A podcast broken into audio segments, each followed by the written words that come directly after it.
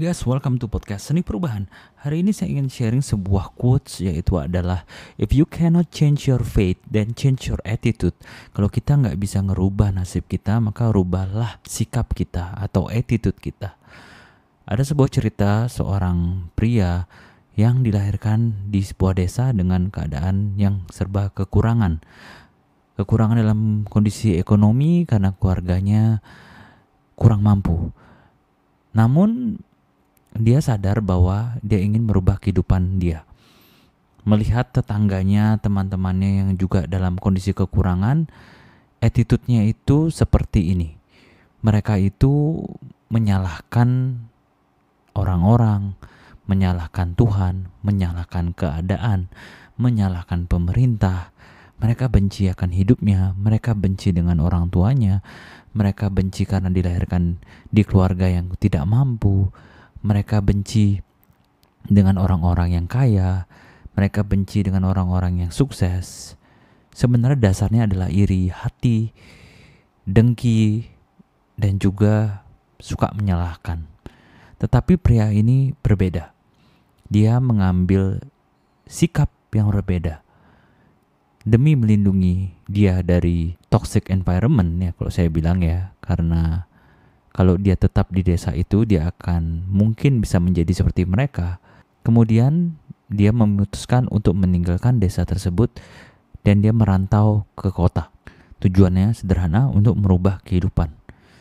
Dia mempunyai prinsip bahwa kalau orang lain bisa, kenapa dia tidak bisa? Karena banyak sekali contohnya yang dia lihat di mana orang yang dulunya keadaannya minus atau nol bisa menjadi sukses dan bisa menjadi berhasil. Dan dia terinspirasi untuk itu dan memilih untuk mengubah nasibnya dan dengan cara mengubah sikapnya.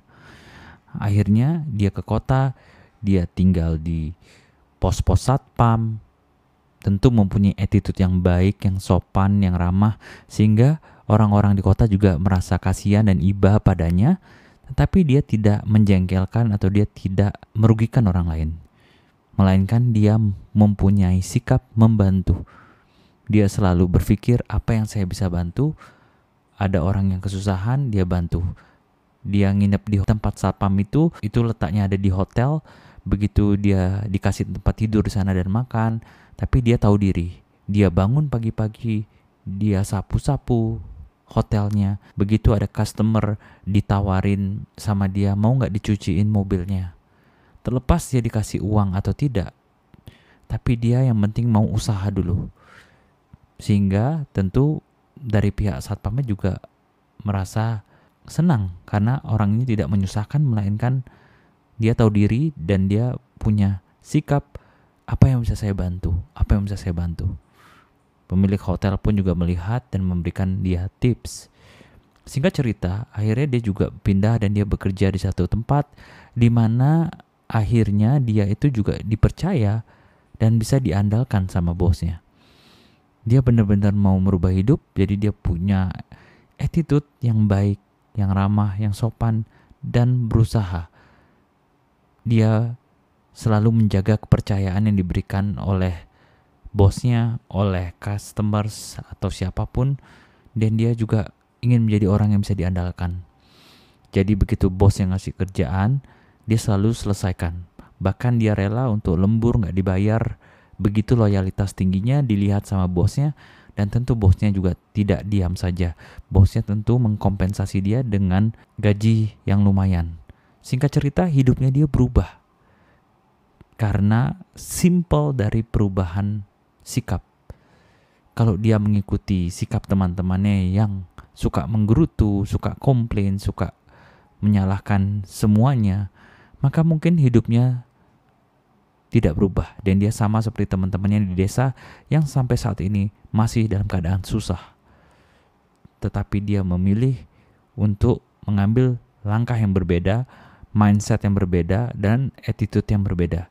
Dimulailah dengan sikap yang baik. Dia mau belajar, dia mau berjuang, dia mau melakukan apa pun untuk merubah kehidupannya. Yang penting halal dan tidak merugikan orang lain. Dan memang Tuhan akhirnya membalas dan kerja kerasnya tidak sia-sia. Tuhan memberikan dia rezeki dan hidupnya dia pun berubah. Dari sini kita bisa belajar ya guys ya, bahwa attitude itu sangat penting. Kalau saya dalam memilih karyawan, saya juga memilih attitude-nya terlebih dahulu daripada skillnya. Karena skill bisa dipelajari, tapi attitude itu harus dari dalam diri kita. Percuma dia skillnya bagus, bisa mengerjakan apa yang kita suruh, tapi attitude-nya dia itu sangat-sangat menjengkelkan, sangat negatif. Energinya itu negatif, vibes-nya nggak bagus saya juga harus melindungi karyawan-karyawan yang lain yang mempunyai attitude yang baik karena saya nggak mau satu titik hitam ini bisa mengotori semua yang sudah putih dalam arti saya tidak mau ada satu yang menginfluence dan merusak ekosistem yang saya sudah bangun, budaya yang saya bangun di mana orang-orang mempunyai attitude yang baik. Inilah pentingnya kita untuk mengubah sikap kita. Kalau kita abjadkan misalnya A sampai Z itu kalau kita kasih angka 1 sampai 26 itu kalau kita jumlahkan kata knowledge itu paling 94% hardworking bisa 96 lalu kalau attitude kita jumlahkan itu 100 nah kalian bisa lihat di Google ada eksperimennya di mana kenapa tulisan attitude ini bisa mendapatkan nilai 100 atau 100%. Kebetulan ya mungkin tapi pada kenyataannya memang semua orang tuh ngelihat attitude dulu. Saya tanya deh kamu, kalau kamu memilih pasangan, memilih teman, memilih partner kerja, pasti kamu melihat attitude-nya dulu. Gak mungkin kamu mau bersahabat dengan orang yang punya attitude kayak sampah gitu. Kecuali kamu sendiri juga toksik ya. Gak mungkin kamu mau bekerja sama atau partneran atau bekerja dengan orang yang punya attitude yang yang kurang baik. Kalau orang yang benar ya pasti nggak mau. Dia pasti mencari orang baik. Orang baik mencari orang baik lainnya untuk bekerja sama. Di sinilah pentingnya attitude guys. How you do anything is how you do everything. Hal kecil, sikap kita itulah yang menunjukkan bagaimana kita melakukan dengan segala hal. Kebaikan kita, walaupun hal-hal kecil, kita tersenyum, kita memberi sedikit. Itulah namanya sikap kita banyak dari orang yang selalu mempunyai sikap apa yang bisa saya dapatkan. Pokoknya maunya tik ya tik apa yang saya dapatkan. Kalau saya ke kota nanti saya mau mendapatkan ini. Nuntut nuntut aja. Tapi pria ini berawal dari kata apa yang saya bisa berikan, apa yang bisa saya bantu, apa yang bisa saya layani supaya saya bisa mengerjakan tugas yang ingin Anda selesaikan atau saya bisa membantu menyelesaikan masalah yang sedang Anda hadapi. Apa yang bisa bantu? perbedaannya ini menjadi di mana titik poin perubahan hidupnya. Begitu mindsetnya itu berubah, apa yang bisa saya bantu? Mendadak rezeki itu mengalir karena dia bermula dari niat ingin membantu orang tersebut menyelesaikan masalahnya. Jadi kalau Anda bekerja sama orang, punyalah mindset seperti itu. Pasti bos Anda senang. Apa yang bisa saya bantu? Apa yang saya bisa lakukan untuk bisa berkontribusi lebih lagi? Apa yang bisa saya bantu agar saya bisa menyelesaikan masalah di perusahaannya? apa yang bisa saya berikan seluruh kemampuan saya kalau perlu saya harus lembur bergadang dan juga saya bisa berkontribusi lebih kalau seandainya kata Anda berkontribusi lebih dan bosnya tidak menghargai atau tidak menghiraukan Anda, ya sudah Anda pindah saja. Tapi saya yakin kalau bos yang baik dia akan melihat dan mengapresiasi dan bilang berterima kasih dengan Anda.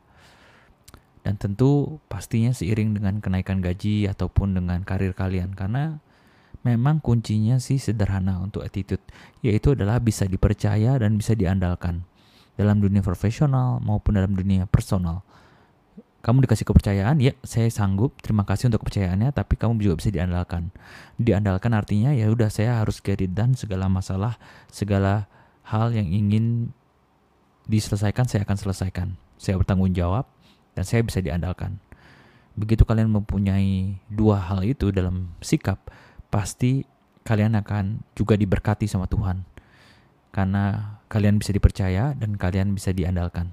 Segitu aja guys, semoga quotes ini bisa menginspirasi dan cerita ini bisa menginspirasi dan di mana juga kembali lagi ingatlah bahwa your attitude is your altitude.